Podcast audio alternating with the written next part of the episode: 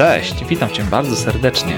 Z tej strony Mariusz Kobak, a to już dziewiąty odcinek podcastu Kierunek Wolność, czyli podcastu o dochodach pasywnych i wolności finansowej. Dziś rozmawiam z naprawdę niesamowitą osobą, Boguszem Pękalskim, który jest programistą, przedsiębiorcą, a do tego jeszcze podcasterem. Bogusz nie tylko rozwija swój startup, ale również pomaga innym osobom, które chciałyby stworzyć biznes oparty na aplikacji działającej w modelu Software as a Service. Co więcej, okazało się, że kończyliśmy razem z Boguszem ten sam kierunek studiów na tej samej uczelni. Chcesz się dowiedzieć, co studiowaliśmy? To zapraszam Cię do wysłuchania naszej rozmowy. Cześć Bogusz. Cześć Mariusz, witam serdecznie. Dzięki, dzięki, że zgodziłeś się wystąpić w moim podcaście. Trafiłem na ciebie, szczerze mówiąc, na twój blog Startup My Way już jakiś czas temu, chyba 3 lata temu. Szukałem wtedy inspiracji do tego, jak budować własną aplikację działającą w modelu SaaS w modelu abonamentowym. Ty chyba wtedy startowałeś dopiero ze swoją aplikacją. Nawet, e, nawet komentowałem coś u ciebie na, na blogu, z tego co pamiętam.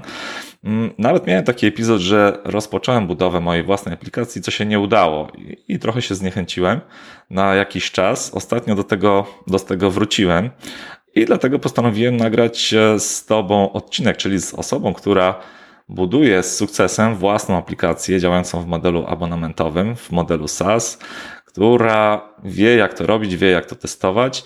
Dlatego chciałem przepytać Ciebie z tego, mm, z tego obszaru, ale może na początek powiedz, kim jesteś, czym się zajmujesz na co dzień, powiedz trochę więcej o sobie. Jasne. E, po pierwsze, dzięki za zaproszenie. E, bardzo, bardzo mi miło. E, ja tak w skrócie jestem programistą, przedsiębiorcą i podcasterem, tak się mogę teraz określić. E, już ta moja jakby etatowa podróż programisty się troszeczkę zakończyła. E, no w tym momencie, tak jak powiedziałeś, właśnie buduję, buduję swoją aplikację, buduję, budujemy, tak, bo już, już jest nas kilka osób, budujemy aplikację z modelu SaaSowym, Policja w chmurze dla branży ubezpieczeniowej. No i poza tym prowadzę właśnie podcast i bloga pod marką Startup My Way. E, tam też pojawiają się różne inne inicjatywy, jak na przykład Akademia SAS, gdzie, gdzie planuję jakby pokazywać innym e, programistom i nie tylko drogę, jak można przejść właśnie e, od pracy etatowej do takiego własnego swojego biznesu opartego na aplikacji. No i jakby podcast w tym momencie dosyć mocno, mocno jest rozwijany, tak już, już ponad rok. E, także, także zapraszam na Startup My Way. E, w sumie myślę, że częściowo trochę nam się pokrywa tematyka e, podcastowa. Przedsiębiorczość, ciekawi ludzie. No to tak w skrócie o mnie. No to wow, robisz strasznie dużo rzeczy, prawdziwy człowiek orkiestra. I tym bardziej jest mi miło Ciebie gościć, ponieważ to jest pierwszy odcinek z nowej serii podcastu Kierunek Wolność, serii, która startuje w 2019 roku. Także Także witaj w tym inauguracyjnym odcinku. Okej, okay, robisz bardzo dużo rzeczy. Z tego co wiem, byłeś kiedyś e, programistą, pracowałeś normalnie na etacie. Tak, tak. Dla, dla, dużych, e, dla dużych firm. No i może powiedz w skrócie, jak wyglądała Twoja droga od programisty do szefa, do foundera aplikacji czy innowacyjnego startupu? E, wiesz co? Wszystko się zaczęło się od tego, że e, no ja zawsze miałem w sobie taki, powiedzmy, drive do tego, żeby coś budować. Już gdzieś tam jako dziecko bawiłem się klockami Lego i fascynowało mnie to, to budowanie z tych klocków, że można było po prostu tworzyć w zasadzie coś z niczego. No i jakby stąd wzięła się moja pasja do programowania, kiedy dostałem pierwszy komputer, e, zacząłem też, tak jak z klocków, budować coś z niczego, wpisując linijki kodu gdzieś tam w wieku, wieku tych 10 e, lat. Taki mały człowieczek, który w sumie nic na świecie nie może, może nagle stworzyć, że e, za pomocą kilku e, komend coś się wyświetla na, na, na monitorze. Wtedy jeszcze na telewizorze, bo to był Commodore 64 podłączony do telewizora, więc takie zamieszkłe, zamieszkłe czasy. E, no i jakby od tamtej pory jakby interesowałem się tym, tym programowaniem i, i budowałem różne swoje, swoje rzeczy, swoje aplikacje, jakieś to były jakieś drobne, takie hobbystyczne, hobbystyczne projekty. E, no i później jakby wybrałem ten kierunek e, drogi programisty, tak, od, od juniora, gdzieś tam się uczyłem, tak, i tak dalej, i tak dalej. Kolejne firmy, małe, duże, e, startupy, korporacje, więc duże doświadczenia zdobyłem. No ale zawsze było jakby coś takiego we mnie, co mm, no brakowało mi tego budowania czegoś swojego, tak? No bo wiadomo, wchodzisz do firmy, dostajesz bardzo dobre pieniądze, dzisiaj jako programista e, czujesz się, wiesz, jak taki przysłowiowy pączek w maśle. E, no okej, okay, ale robisz i jakby tą pracę sprzedajesz i jakby ten twój kod, to twoje dziecko już, już, już nie jest twoje. E, no i tak się to powtarza, powtarza, powtarza i też ta, te zadania stają się po pewnym czasie już, jak masz tych te 5-10 lat doświadczenia, stają się dosyć powtarzalne. No i zawsze coś we mnie było takiego, żeby, żeby budować coś swojego. I, no i trafiła się taka okazja. A już wcześniej startowałem z jakimiś projektami, powiedzmy mniej udanymi. E, no a ten jakby udało się dociągnąć już do tego momentu, że e, zaangażowałem się na 100%. Okej, okay, czyli miałeś kilka przygód wcześniej na których się nauczyłeś, zdobyłeś pewien doświadczenie, aż w końcu, tak. w końcu kolejny pomysł wypalił, także, także super. Tak, tak, tak, tak, tak. Eee... No tak. Okej, okay, myślę, no u mnie jest chyba trochę podobnie. Też miałem kilka, kilka pomysłów, które nie wypaliły, ale to są cenne doświadczenia, które się zdobywa po drodze. Można je wykorzystać przy budowaniu nowych, e, nowych rzeczy. Bogusz, opowiedz. Tak, Bogusz, powiedz, po co w ogóle tak naprawdę zakładać własną firmę? Czy chcesz e, zmieniać świat? Czy chcesz może skalować swoje dochody pasywne? Czy to jest e, jedna z Twoich motywacji, właśnie dochody pasywne? Ja na tym blogu mm, kierunek wolność.pl właśnie poruszam tematykę dochodów pasywnych i wolności finansowej. Chciałbym tą, tę wolność e, finansową kiedyś osiągnąć. Właśnie w moim przypadku budowa aplikacji w modelu abonamentowym ma mi, ma mi w tym pomóc. Ma oczywiście rozwiązać szereg e, problemów moich przyszłych klientów, ale między innymi ma to być, ma to być źródło dochodów pasywnych, czyli dzięki temu modelowi abonamentowym, abonamentowemu chcę osiągnąć pewne źródło stałe e, przychodów spływających na moje konto miesięczne. Czy to jest również jedna z Twoich motywacji, czy raczej chcesz po prostu zmieniać świat na lepsze?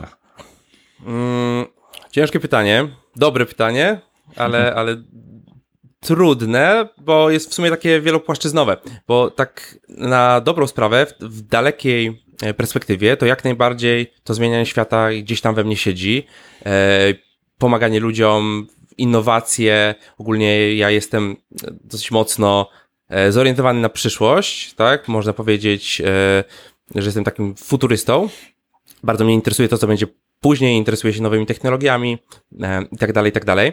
E, ale, żeby zmieniać świat na dobrą sprawę, no, trzeba mieć kapitał. A żeby mieć kapitał, no to trzeba mieć pewne źródła, z których ten kapitał przyjdzie. Oczywiście można spróbować zrobić od razu coś, co zmieni świat i e, jakby próbować pozyskać pieniądze od inwestorów i tak dalej.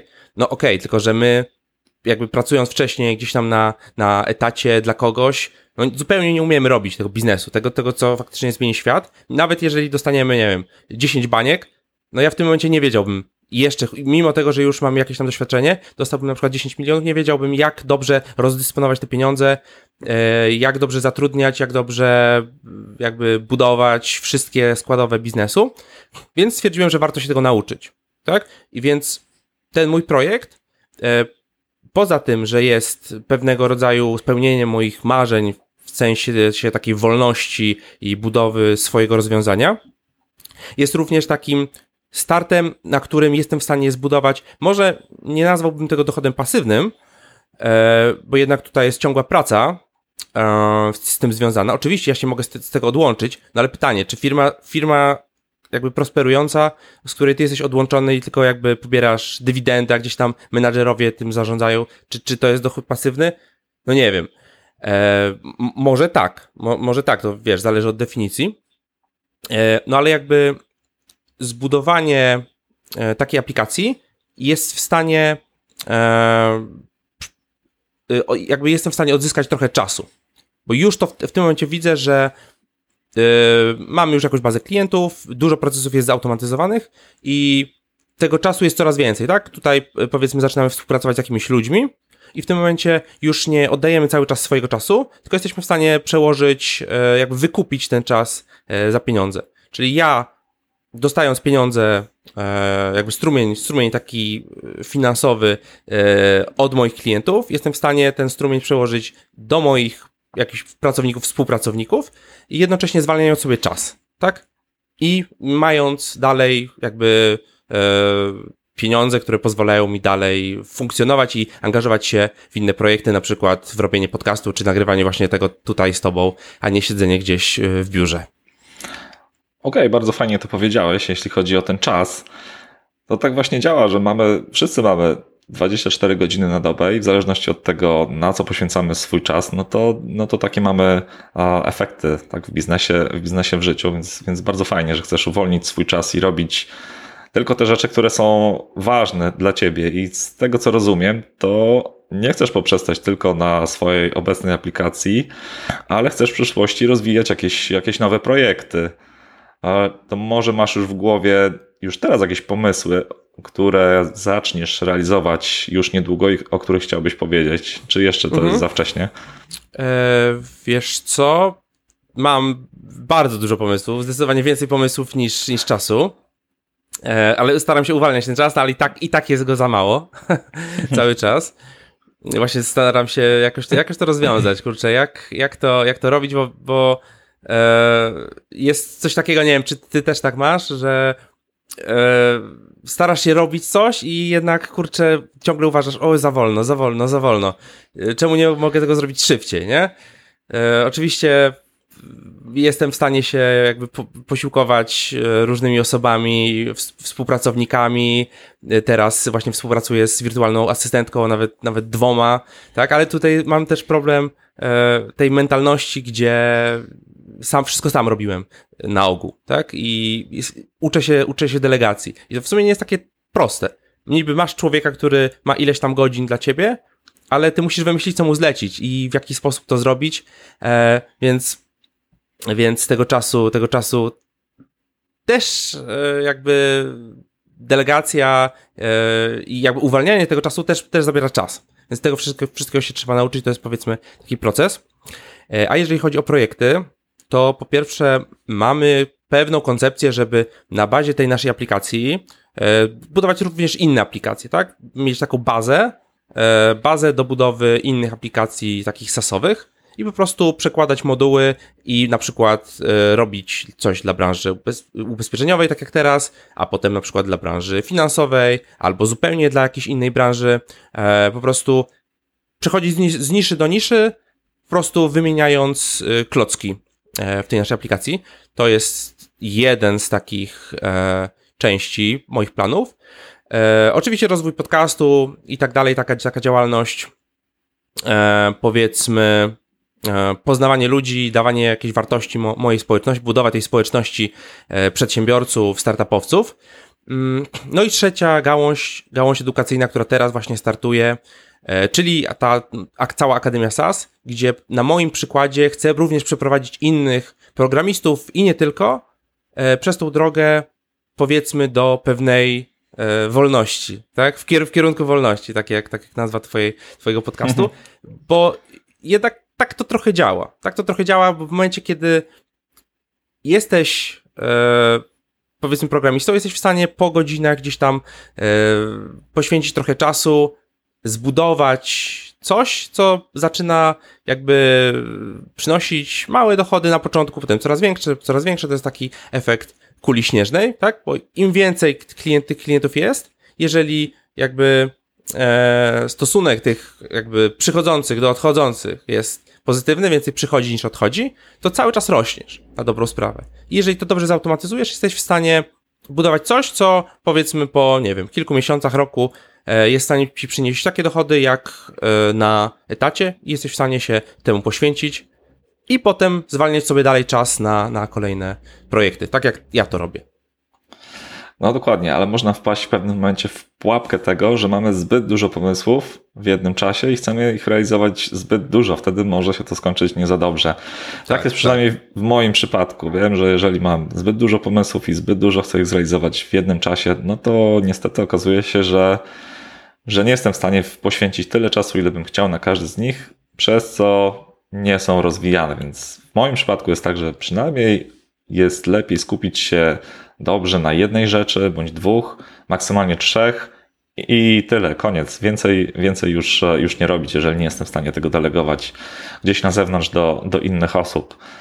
Tak, tak to... No to ja właśnie, ja właśnie podobnie w sumie te, te trzy rzeczy, te trzy rzeczy, czyli właśnie teraz SaaS, Policja w chmurze głównie, e, podcast, społeczność e, Startup My Way, no i Akademia SaaS, która jest jakby częścią Startup My Way.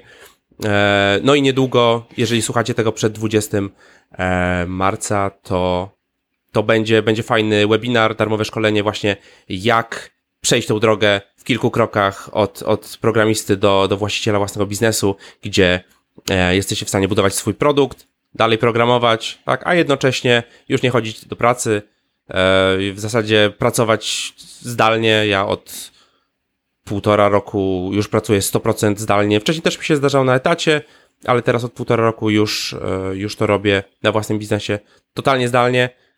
E, czy, czy z domu, czy, czy z kawiarni, czy zdarzało się też pracować z Wysp Kanaryjskich, czy, czy, czy, czy Cypru, gdzieś tam na, na wyjazdach, tak? Po prostu laptop, internet i możemy pracować e, skąd chcemy. Okej, okay. brzmi fantastycznie, czyli jesteś nawet cyfrowym nomadą. No, w takim bardzo małym, bardzo małym e, stopniu, ale, ale tak. Ale Napra naprawiałem, naprawiałem e, błędy, będąc, siedząc na Cyprze, wiesz, na balkonie, próbując gdzieś tam coś poprawić dla klienta. No, ale da się, tak? Pracować zdalnie z dowolnego miejsca na świecie, gdzie jest internet. A powiedz, powiedz jeszcze taką rzecz. Ja na przykład mam wiele pomysłów na, na biznes, na aplikacje codziennie. Jak, jak można sprawdzić, jak można przetestować taki pomysł i zobaczyć, czy rzeczywiście on ma sens, czy znajdą się przyszli klienci, czy, czy nie? Jak podejść do takiego testowania? Jaki masz na to pomysł? Yy, wiesz co, jest wiele sposobów.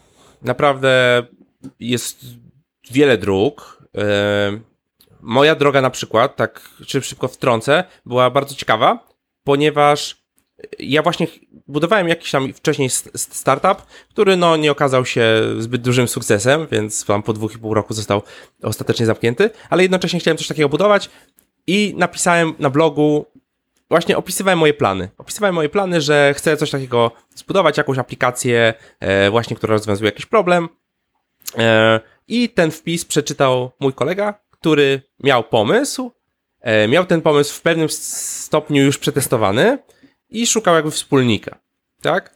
I to, to, to, była, to była moja droga, więc ja de facto nie wymyśliłem tego pomysłu. E, tutaj zgłosił się do mnie ktoś z pomysłem, który jest już przetestowany i powiedzmy ma jakiegoś tam klienta, tylko jest zrobione w innej formie i robiliśmy to w innej formie. Więc powiedzmy to jest jeden e, z, z pomysłów, czyli na pewno warto dzielić się tą wiedzą, czy w blogu, czy w podcaście, mówić o tych swoich rzeczach, bo nie wiadomo, kto nas czyta, kto nas słucha. Może czyta twój blog 10 osób, nie? Ale wystarczy ci jedna, która może zmienić dalsze twoje życie. E, a wracając już tak stricte do twojego pytania, to ja bym na przykład zaproponował taki model, że po pierwsze pytamy ludzi o ich problemy, tak? No bo czym jest biznes? Biznes jest rozwiązaniem pewnego problemu, tak? Każdy biznes rozwiązuje w zasadzie jakiś problem lub szereg problemów. E, więc szukamy tego problemu. Jeżeli znajdziemy jakąś osobę z danym problemem, która jest w stanie nam powiedzieć, yy, no, jakie jest rozwiązanie tego problemu, czy jaki ma problem, jesteśmy w stanie wspólnie dojść do jakiegoś rozwiązania i zaproponować tej osobie, że zrobimy dla niej rozwiązanie tylko tego jednego problemu, bez całej otoczki. Yy, w w jakimś takim modelu za na przykład bardzo małą opłatę albo w ogóle za darmo, ale tutaj sugerowałbym za jaką, jakieś fizyczne pieniądze, ale nieduże pieniądze. E, przy czym umówilibyśmy się, że jeżeli e, on będzie zadowolony i tak dalej, będziemy mogli to dalej, dalej e, jakby publikować i sprzedawać to innym klientom. Czyli od punktu zero mamy klienta, mamy jakieś pieniądze, rozwiązujemy sam problem bez otoczki typu e, nie wiem, rejestrację, logowania i tak dalej, i tak dalej, ustawienia konta, milion innych rzeczy, które jest fakturowanie, e, płatności, milion rzeczy, które są tak de facto dodatkami. do rozwiązania problemu. E, jeżeli zrobimy to rozwiązanie, tylko to ten jeden, jeden drobny modulik i zobaczymy, że to działa, no to szukamy osób, które mają podobny problem e, i proponujemy im nasze rozwiązanie i potem zaczynamy już budować, budować tą całą otoczkę, aut automatyzować po kolei wszystkie procesy, jakby tak iteracyjnie przechodzimy e, od problemu do bardzo podstawowego rozwiązania do faktycznego produktu.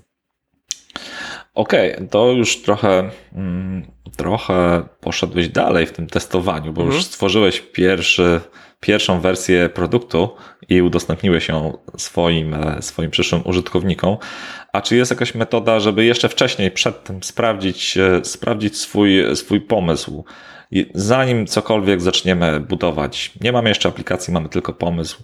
Czy jest, no jakaś, czy jest jakaś metoda na to, na takie testowanie? Ehm, no właśnie, właśnie.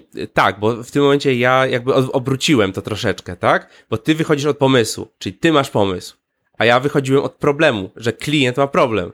My nie mamy pomysłu, my mamy, szukamy problemu, który możemy rozwiązać, tak? Ja też, jak przeszedłem długą drogę taką myślową, e, bo ja mam też różne pomysły. O kurczę, to będzie super a potem się okazuje, o kurczę, nikt tego nie chce. I takich historii jest bardzo, bardzo dużo. Nam się wydaje, ja też mam nawet te, w tym momencie w głowie e, pewien pomysł, który jest de facto nieprzetestowany. Ja go wymyśliłem, on by mi się przydał. E, myślę, że zmieniłby w ogóle świat i jak już miałem taki przepływ w ogóle emocji, to usiadłem, kupiłem domenę, postawiłem landing page e, i, i, i tak dalej, i tak dalej. Zrobiłem cały plan w ogóle, jak to będzie działać, no ale w tym momencie przystopowałem troszeczkę z tym. Nawet nie będę mówił, co to jest. E, Może tak, jest no bo... niego za wcześnie po prostu. Świat nie jest gotowy. E, nie, nie, wiesz co, tam nie ma żadnego produktu pod tym jeszcze. To jest w zasadzie tylko pomysł, o którym, o którym mówiłem może, nie wiem, jednej, jednej dwóm osobom.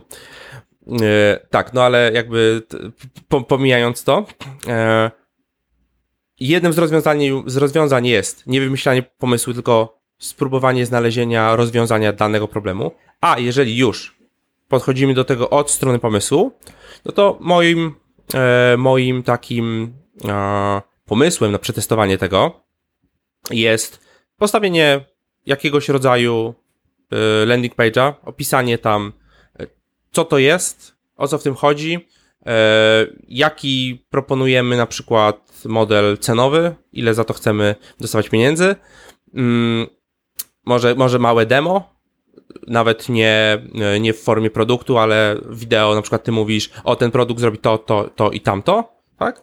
No i jakiś call to action, czyli na przykład zapis na listę mailingową, jeżeli chcesz e, dostać darmowe zaproszenie albo 50% rabatu, to zostaw maila.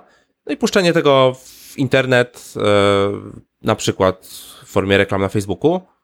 I przetestowanie, zobaczenie, ile osób w ogóle zareaguje na to, ile osób zostawi nam do siebie kontakt. I potem bezpośredni kontakt już do tych osób z pytaniem, co ich zainteresowało, e, czy to rozwiązuje jakiś problem, jeżeli tak, to, to jak, jaki był de facto te, ten problem?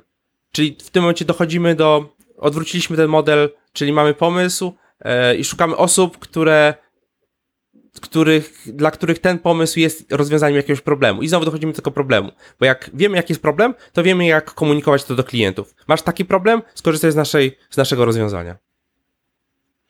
No okej, okay. super, super, dwa modele. Pewnie warto przetestować obydwa i zobaczyć, co, co działa w naszym przypadku. Ba, no można i... nawet yy, postawić pięć landing page'y, tak? I puścić pięć reklam na pięć różnych pomysłów i zobaczyć, który najbardziej yy, przyciągnie największą ilość osób. No okej, okay. no to też, jest, to, to, też jest dobra metoda. No i skupić się na jednym, tak, żeby nie ciągnąć kilku srok za ogon w tym samym czasie, bo może się to skończyć jednym wielkim niepowodzeniem. Tak, tak. Tak, generalnie się z tym zgadzam.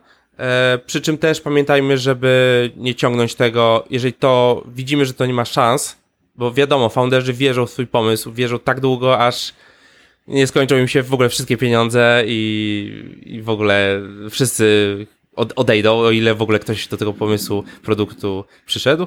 E, wierzymy, że przyjdzie jakiś tam jakieś e, wiesz, gdzieś się ukaże jakiś artykuł, ktoś o coś opowie i przyjdą do nas klienci.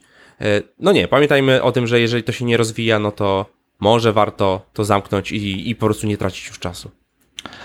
Dokładnie. Tak jest właśnie w zarządzaniu projektami, czym się zajmuję na co dzień. Jeżeli projekt widać, że nie działa, trzeba podjąć tę decyzję i go zamknąć po prostu, żeby nie tracić więcej zasobów, pieniędzy.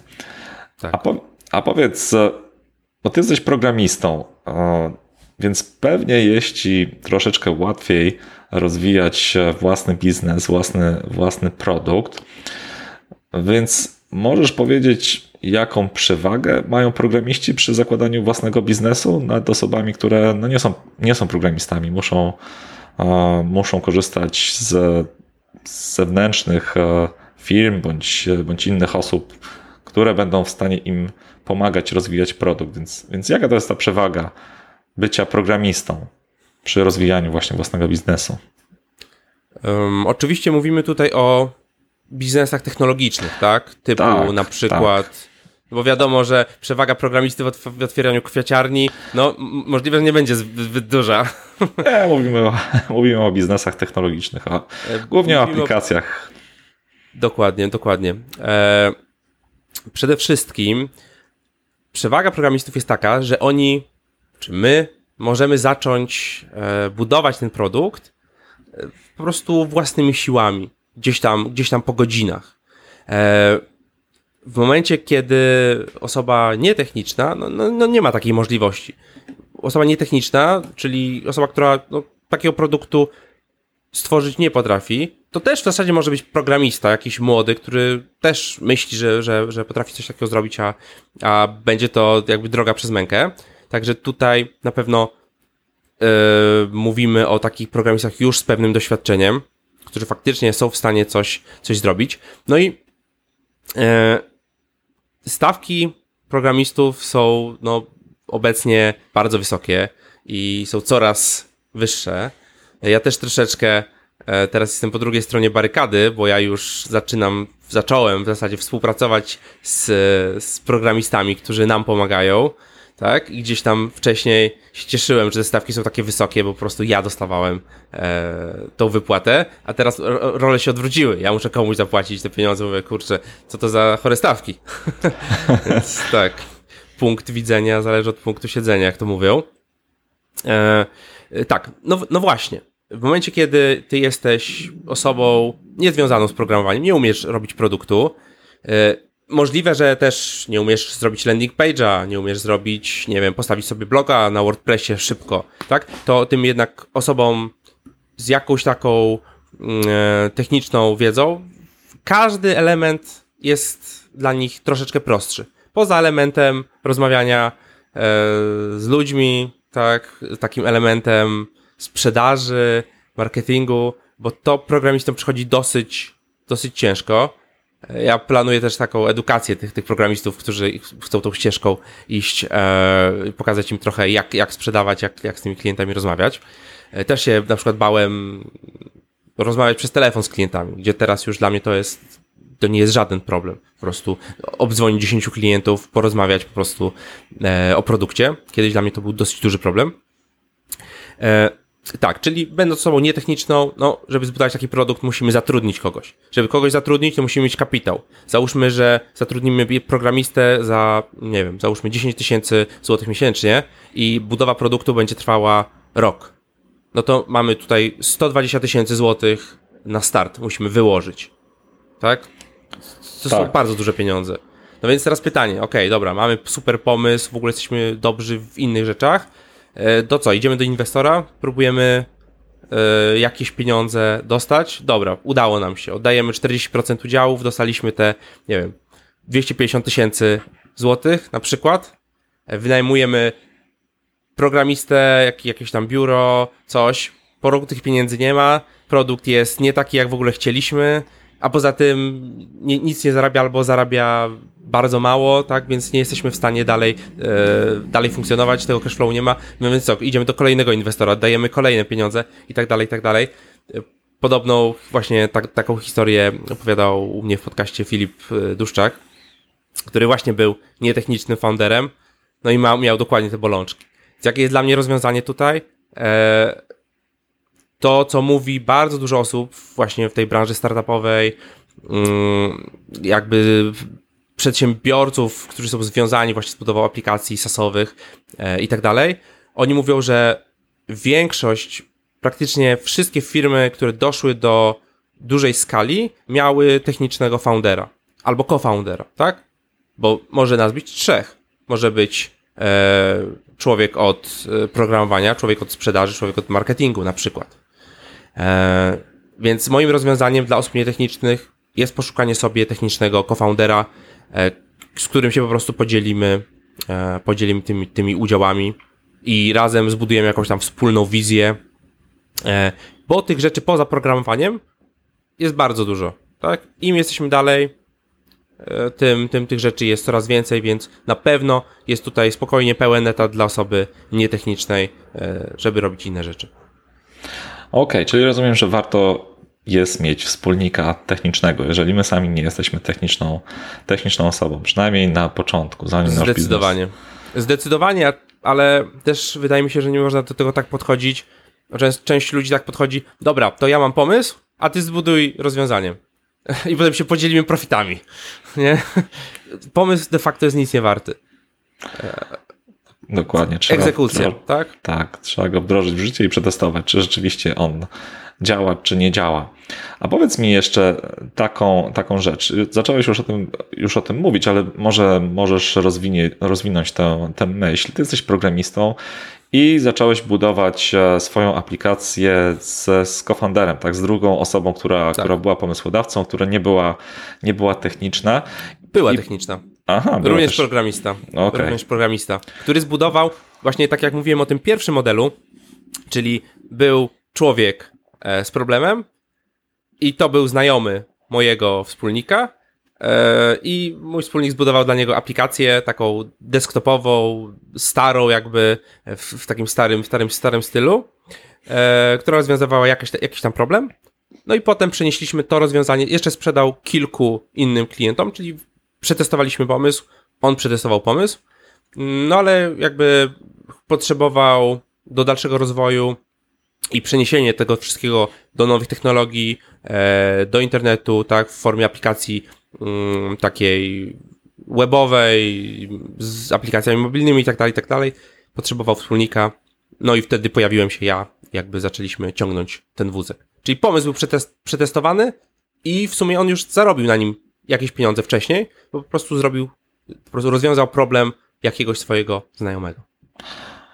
Okej, czyli był, był pomysł, był już nawet przetestowany, Tak. ale domyślam się, że nie przynosił jeszcze takich dochodów jak na przykład z, z pracy na etacie, więc moje pytanie jest, Tak, tak. jest takie, jak płynniej, bez, bez ryzyka przejść z takiego momentu, w którym mamy ten pomysł, mamy, mamy już e, drop, mamy już powiedzmy działającą naszą działalność, naszą firmę, ale nie przynosi ona nam jeszcze tak wielkich dochodów, więc, e, więc jako ten plan B mamy cały czas pracę na etacie, więc jak w tym modelu bezpiecznie przejść z właśnie z pracy na etacie do w pełni działającej własnej, własnej firmy? Jak, jak, e, jak, e, jak to zrobić właśnie bezpiecznie?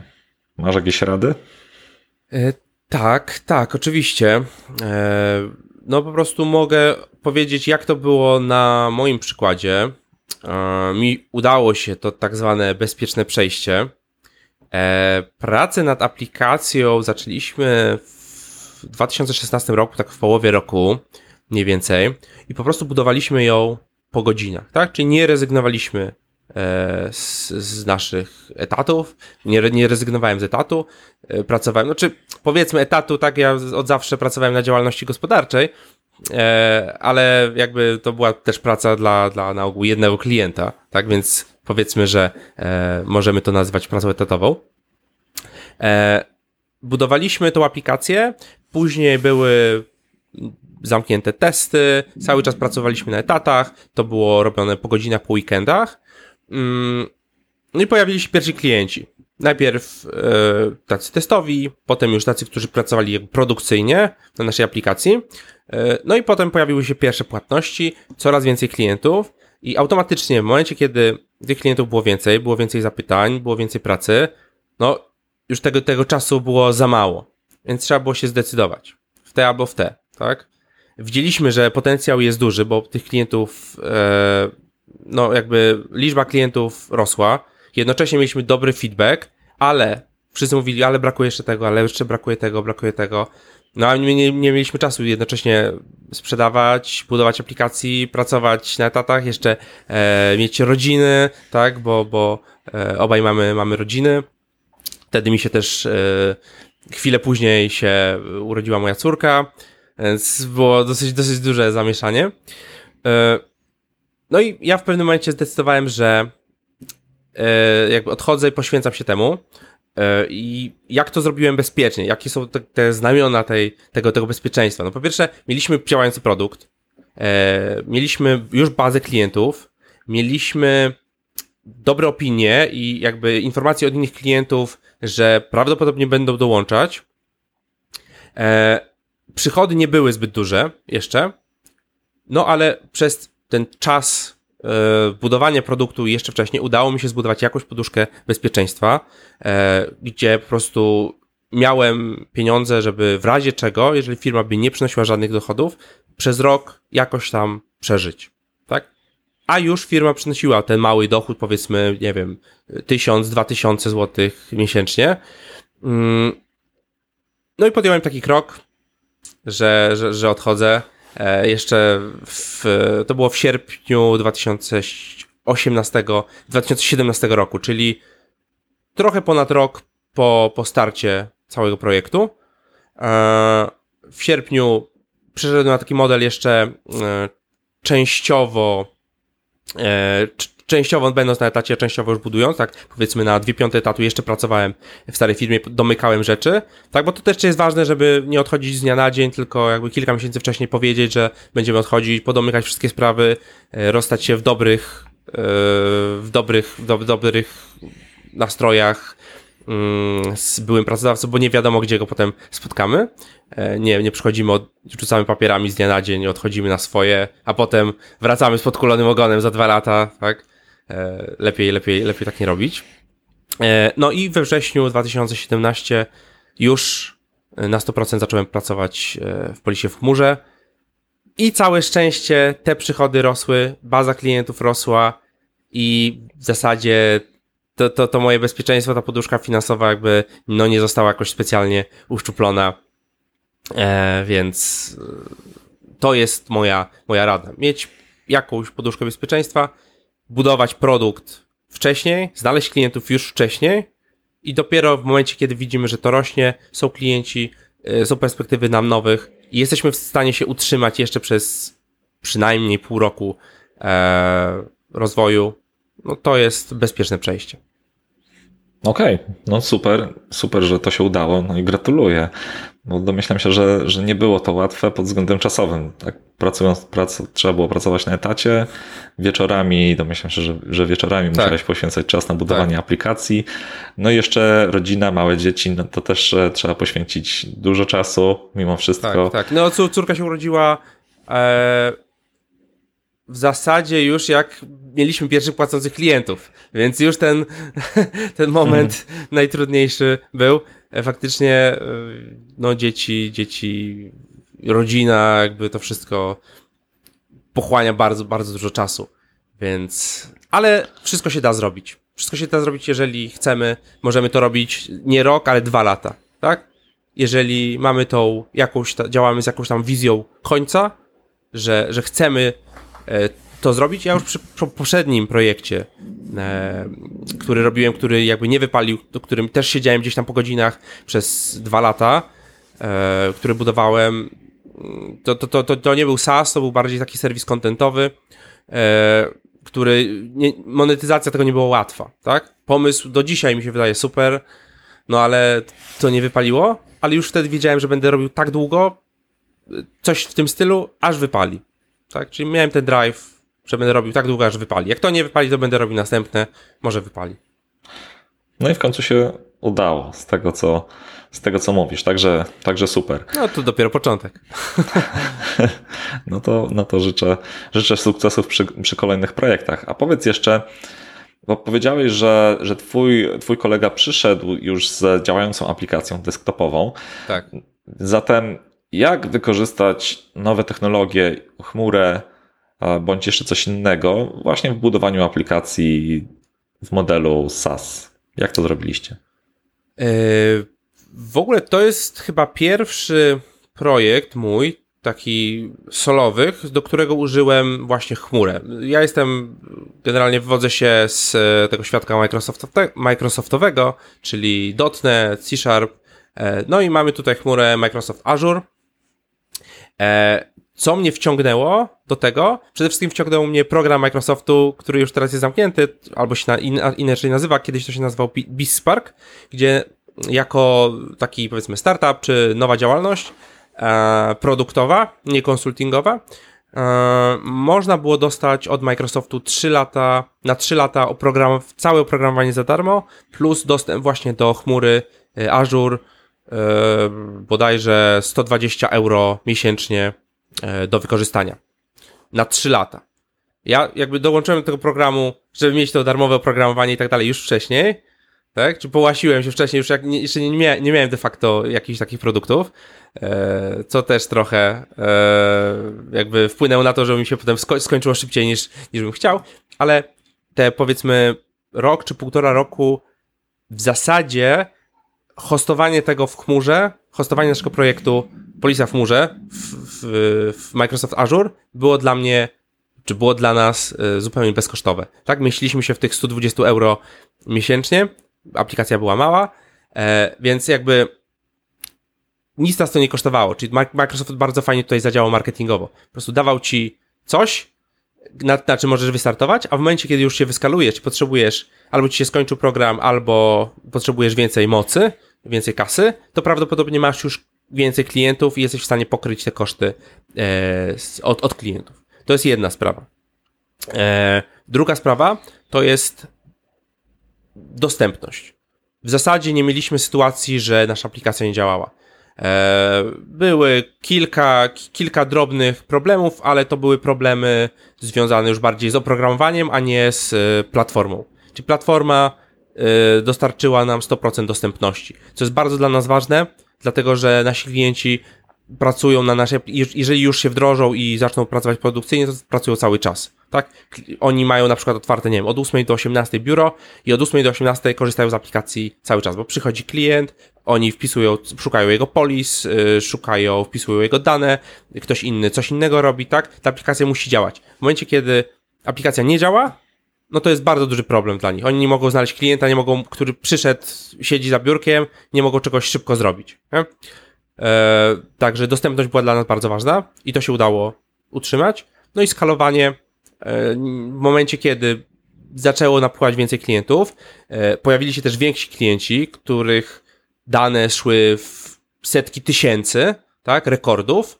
E, tutaj pojawiły się już inne problemy właśnie ze skalowaniem, z, z dostępnością, z szybkością tego wszystkiego, więc my wtedy jakby zanim zaczęliśmy jakieś optymalizacje na poziomie oprogramowania, byliśmy w stanie przesunąć po prostu szybciutko suwak i aplikacja działała, po prostu płaciliśmy za to więcej, tak, ale aplikacja działała cały czas szybko, szybko i stabilnie, przesuwając jeden suwaczek, po prostu byliśmy w stanie dostarczyć e, nowe zasoby.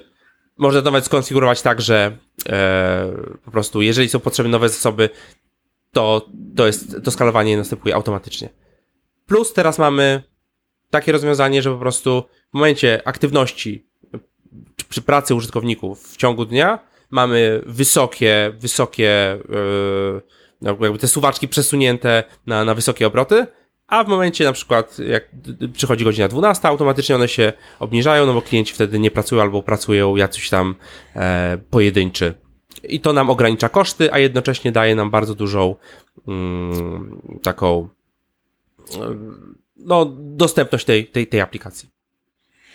Okej, okay, czyli można sobie zarządzać w chmurze zasobami, czyli czasem procesora, pamięcią. Jeżeli wiesz, że będzie duży ruch, no to po prostu zwiększasz e, też zasoby. Dokładnie. a jak ruch spada, to zmniejszasz. Ale robisz to ręcznie, czy to się dzieje automatycznie? E, częściowo ręcznie, a częściowo tak jak, tak jak mówię, na przykład na noc e, te wszystkie parametry są zmniejszane automatycznie już teraz. Okej, okay, okej. Okay. No Wszystko super. można zautomatyzować. No dobra, no brzmi, to, brzmi to bardzo sensownie. A powiedz jeszcze, mam, mam do ciebie takie pytanie, bo ostatnio mhm. zdałem sobie sprawę, że skończyliśmy tę samą uczelnię, nawet ten sam o. wydział. O. A, więc to było dla bardzo. mnie. Tak, to była dla mnie niespodzianka, informatykę i ekonometrię na SGGW. Ja skończyłem ten wydział bodajże 3 lata wcześniej niż, niż ty, ale nie mamy wspólnych znajomych. Myślę, że tak. Myślę, myślę, że to bardzo, bardzo możliwe. Ale zmierzam do tego, że ja nie zostałem programistą. Ja, ja poszedłem trochę, trochę inną mhm. ścieżką, a ty zostałeś e, programistą. Więc e, jaka może być Twoja rada dla osób, które, które właśnie nie są programistami, ale chcą zbudować aplikację e, w modelu, w modelu SaaS, gdzie one mogą szukać programistów e, na początku? Czy są, czy są jakieś takie miejsca, gdzie można, gdzie można znaleźć osoby, które mogą wesprzeć nasz, nasz projekt? Już nie jako founderzy czy co-founderzy, ale mhm. po prostu jako, jako programiści, których wynajmujemy. Są takie miejsca? Jak, jak ty szukasz e, właśnie ludzi technicznych do swojej działalności? E, przede wszystkim to, co u mnie się sprawdza i sprawdza się u wielu moich znajomych, jest budowa społeczności i przyciąganie ludzi do siebie. Bo osoby, które jakby są zainteresowane tym, tym co ty robisz i tym, co ty pokazujesz, prezentujesz, one y, prędzej czy później do ciebie przyjdą. Tak jak ja pisałem na blogu, przyszedł kolega z pomysłem, tak jak teraz ostatnio e, dzieliłem się tą moją drogą, E, miałem różne prezentacje o, o, o, tej, o tej mojej drodze, o tej naszej aplikacji, jak to budujemy i że to, no, jakby obraz tego jest dosyć, dosyć ciekawy, fajny. E, i pisał do, do, do mnie kolega gdzieś tam właśnie ze studiów, e, czy może dołączyć, czy może pomóc i tak dalej, i tak dalej. I w zasadzie y, po jakimś czasie, na początku jakby nie mieliśmy też zasobów na to, ale w momencie, kiedy te zasoby się znalazły, Odezwaliśmy się do niego, masz jeszcze czas, chcesz jeszcze pomóc? E, tak jak najbardziej i w tym momencie jakby współpracujemy, e, jest, jest naszym de facto e, pracownikiem, współpracownikiem, tak? Czyli nie szukaliśmy dodatkowej osoby, ona sama przyszła, dlatego że dzieliliśmy się tym, co robimy. Tak, to jest dla mnie bardzo fajny model. I tak, tak działają też część moich znajomych, która na przykład prowadzi software house w danej technologii, E, buduje społeczność, dzieli się e, jakimiś rozwiązaniami, ma bloga, e, nie wiem, prowadzi konferencje i przychodzą ludzie, którzy chcą tam dołączyć, tak? To jest, oczywiście, no, trzeba budować społeczność, tak? Ale budowanie społeczności według mnie jest istotne, bo będąc osobą nietechniczną, Możesz odpalić bloga sobie, w zasadzie za darmo albo za jakieś małe pieniądze. Możesz zacząć to opisywać, możesz zacząć dzielić się tym na Facebooku, możesz zacząć robić, nie wiem, Instagrama albo e, jakieś nagrania live albo YouTube'a i zobaczyć i, i mówić, że poszukujesz takiej osoby technicznej. Jeżeli faktycznie masz jakiś fajny pomysł, to te osoby techniczne się znajdą.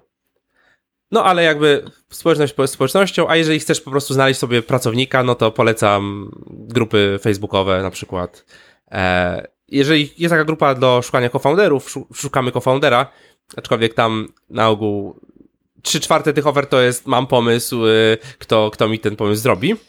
E, ale są w danej technologii grupy, gdzie, gdzie możemy postować e, informacje o, o, o pracy jakiejś, jeżeli fajnie, fajnie mm, jesteśmy w, stanie dostarczyć fajne warunki, to myślę, że taki programista się znajdzie. Aczkolwiek no, trzeba mieć budżet. Dokładnie. Trzeba mieć, trzeba mieć budżet, ale to bardzo ciekawe, to o czym, o czym mówisz, że, że piszesz, opowiadasz o swoim pomyśle i ktoś, tak. i ktoś zgłasza się bo to świadczy o tym, że ta osoba jest, e, jest zmotywowana, że również e, chce to rozwijać nie tylko dla pieniędzy, tak? tylko pomysł jej się podoba, tak. więc możliwe, że, że będzie, będzie w stanie lepiej to rozwijać, więcej czasu na to poświęci, więcej, tak. więcej chęci.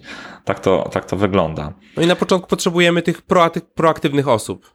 Nie potrzebujemy osoby, która usiądzie i będzie tylko patrzyła na taski, o to zrobić, to zrobić, to zrobić. Jeżeli nas jest bardzo mało, czy jesteśmy sami, potrzebujemy osobę, z, którą, z którą możemy brainstormować, która będzie sama wymyślała jakieś rozwiązania e, i jakby, no, ona musi wierzyć troszeczkę w ten, w, te- w ten, w, ten pomysł. Tak, bo w momencie, kiedy to jest jakby osoba, która dostaje.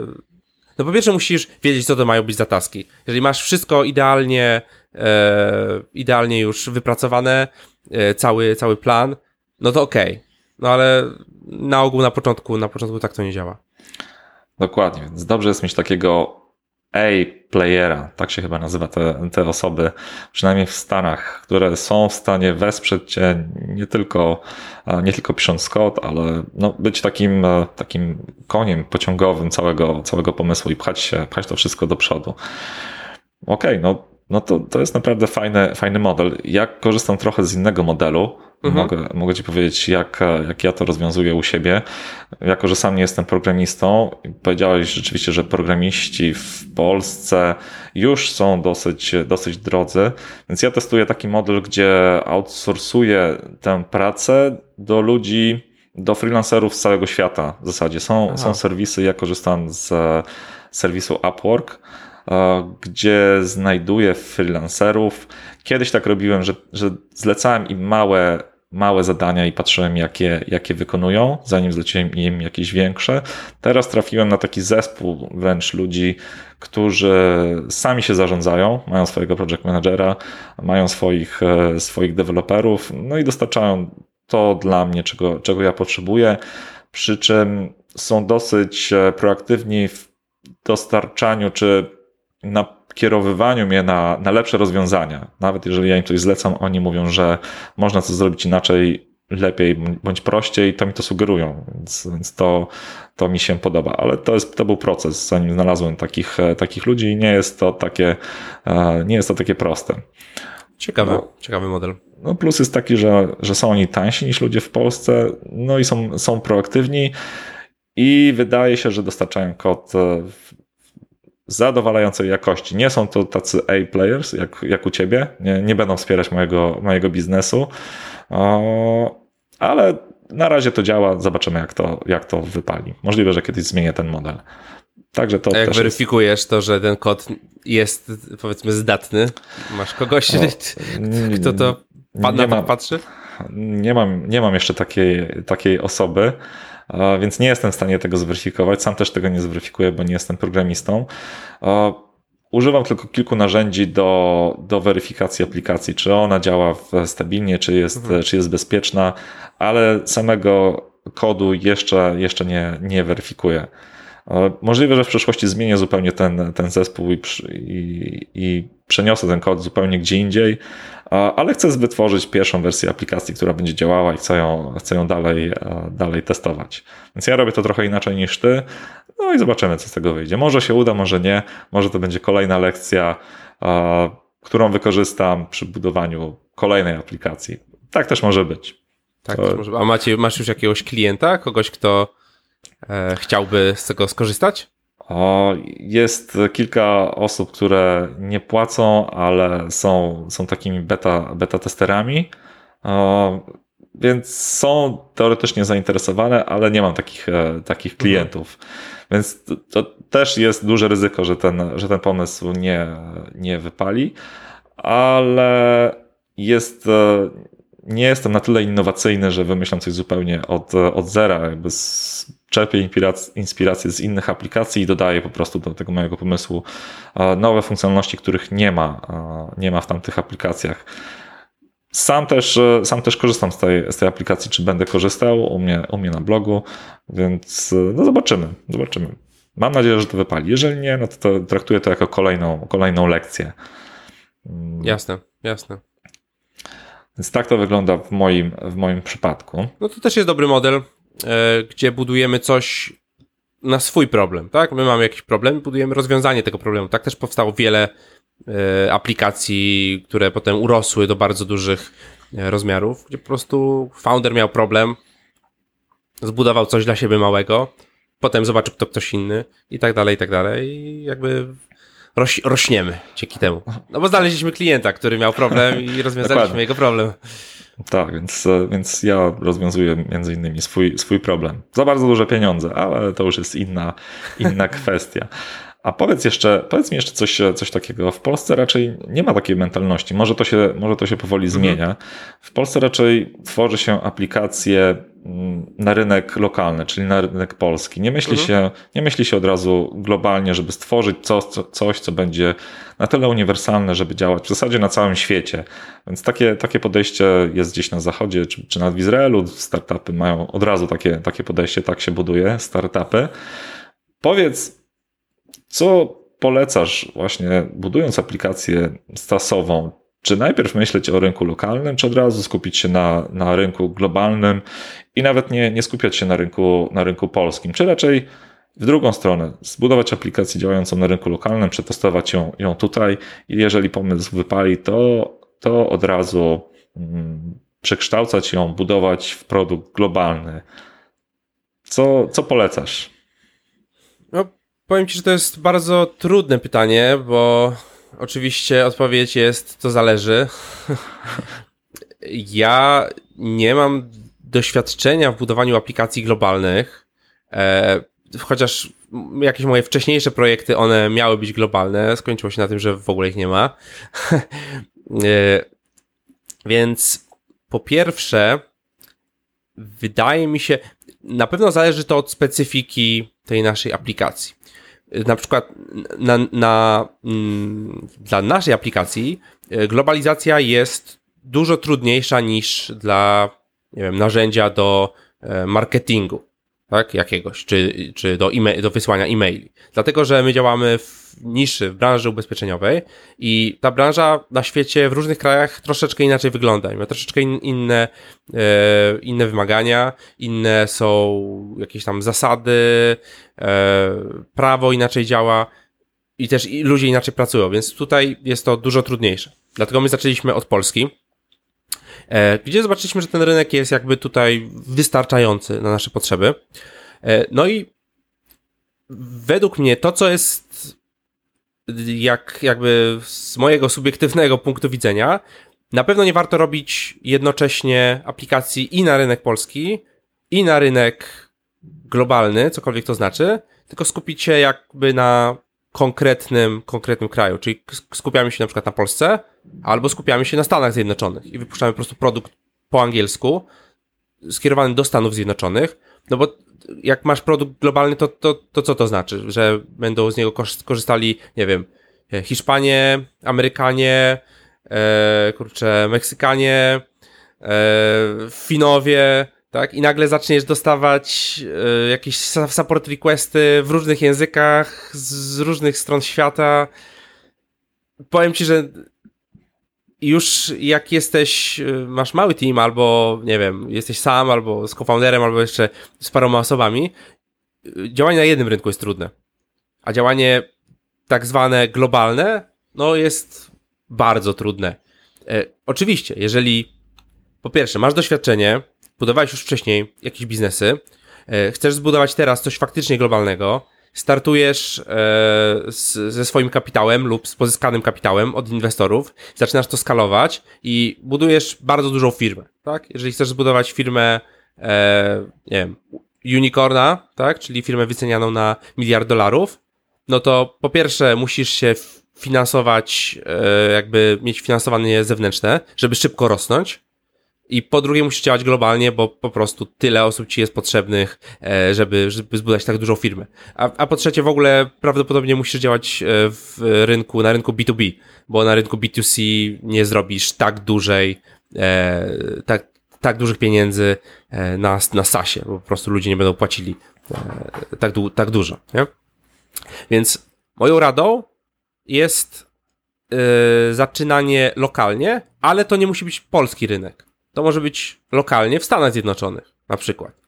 Tamten rynek jest zupełnie inny, tak? Jest dużo, ludzie chętnie otwierają portfele, chętnie wydają pieniądze, mogą wydać tych pieniędzy więcej.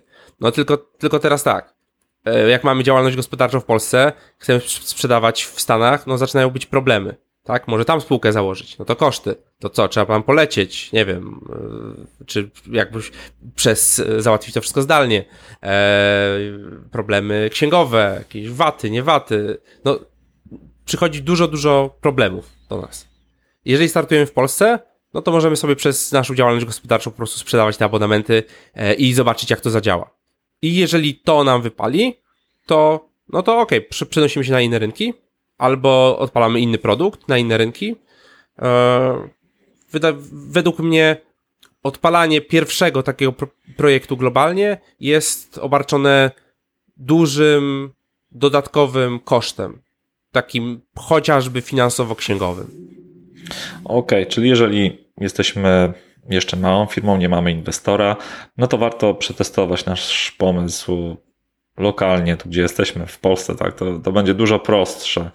Ale jeżeli już mamy inwestora, mamy już rozwinięty na tyle nasz, nasz startup, że wiemy, że chcemy działać globalnie, mamy te fundusze, no to wtedy możemy, możemy myśleć o, o działaniu globalnym, ale no, tak jak mówisz, jest to dużo bardziej skomplikowane. Będzie dużo więcej wyzwań do, do rozwiązania.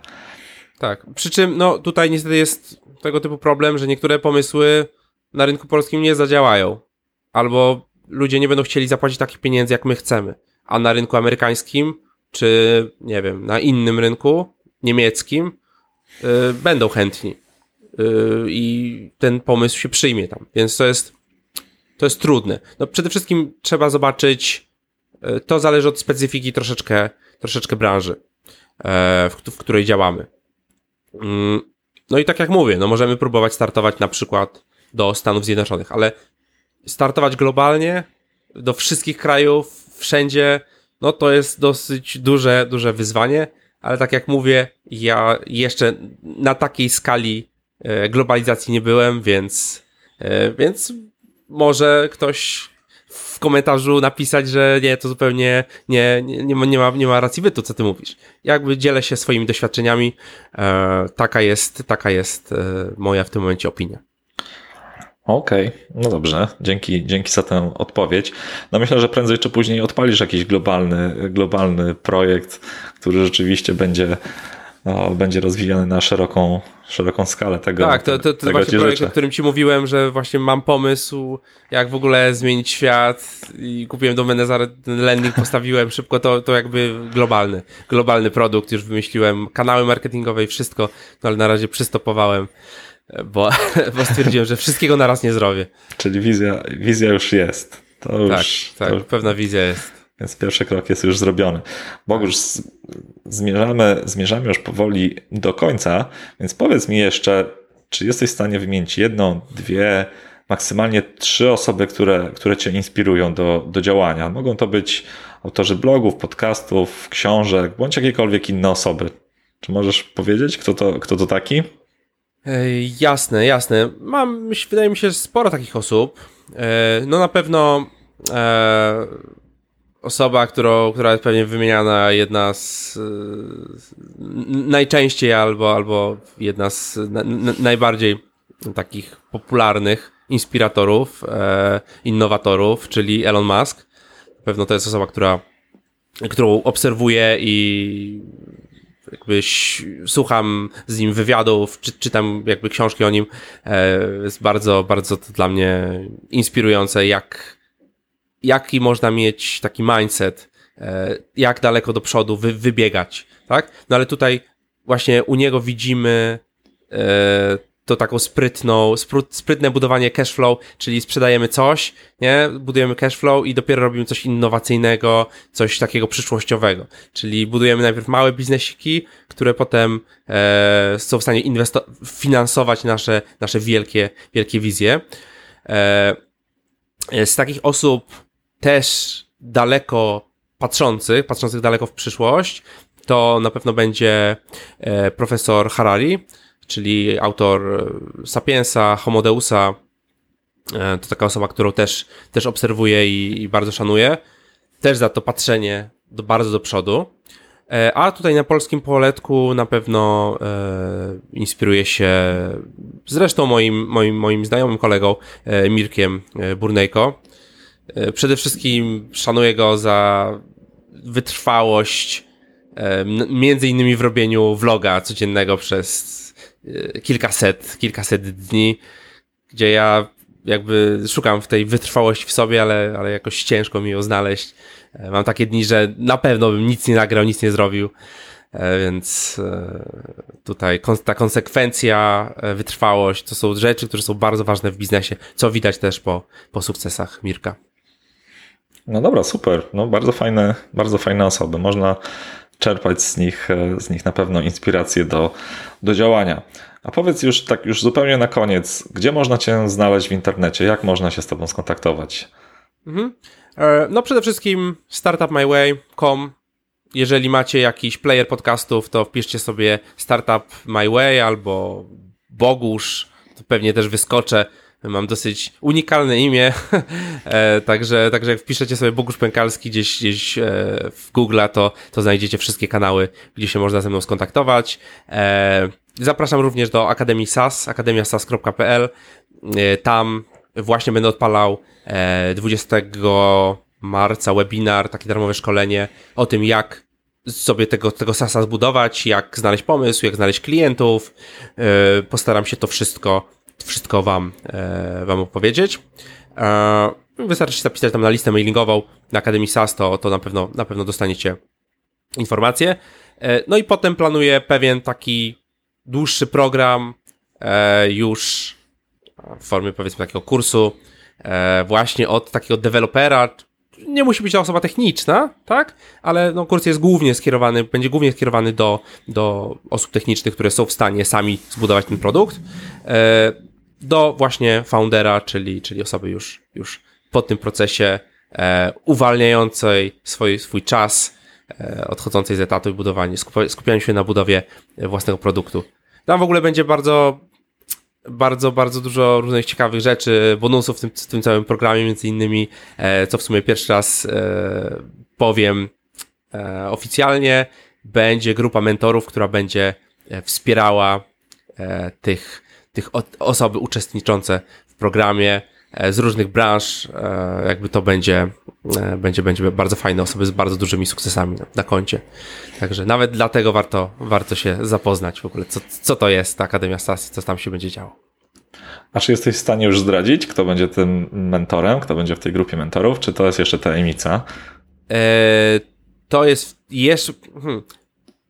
Trudno mi powiedzieć, czy to jest tajemnica, czy to nie jest tajemnica. Właśnie jestem na, na etapie ujawniania mentorów, ale na początku e, dowiedzą się osoby, które są, są, są na liście. E, lub na grupie na Facebooku twórcy aplikacji SaaS. Też zapraszam. Tam też będzie info. Na razie jeszcze publicznie nie będę tego mówił, kto jest mentorem, ale na, na liście mailingowej, na, na grupie na pewno, na pewno się tego dowiecie. Okej, okay. jestem w tej grupie, zatem dowiem no, się do, w pierwszej się. kolejności. na liście też chyba jesteś, to, to się dowiesz. Dokładnie.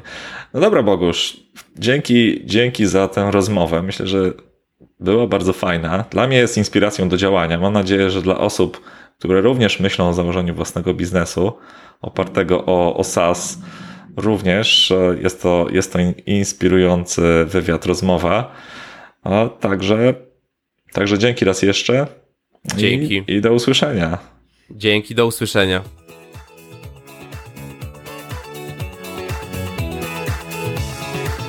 Drogi słuchaczu, jeżeli ten odcinek podcastu podobał Ci się, zachęcam Cię do napisania pozytywnej opinii w serwisie iTunes. Pomoże mi to w przyszłości docierać do większej ilości słuchaczy. Zatem dzięki i do usłyszenia w kolejnym odcinku. Cześć, trzymaj się.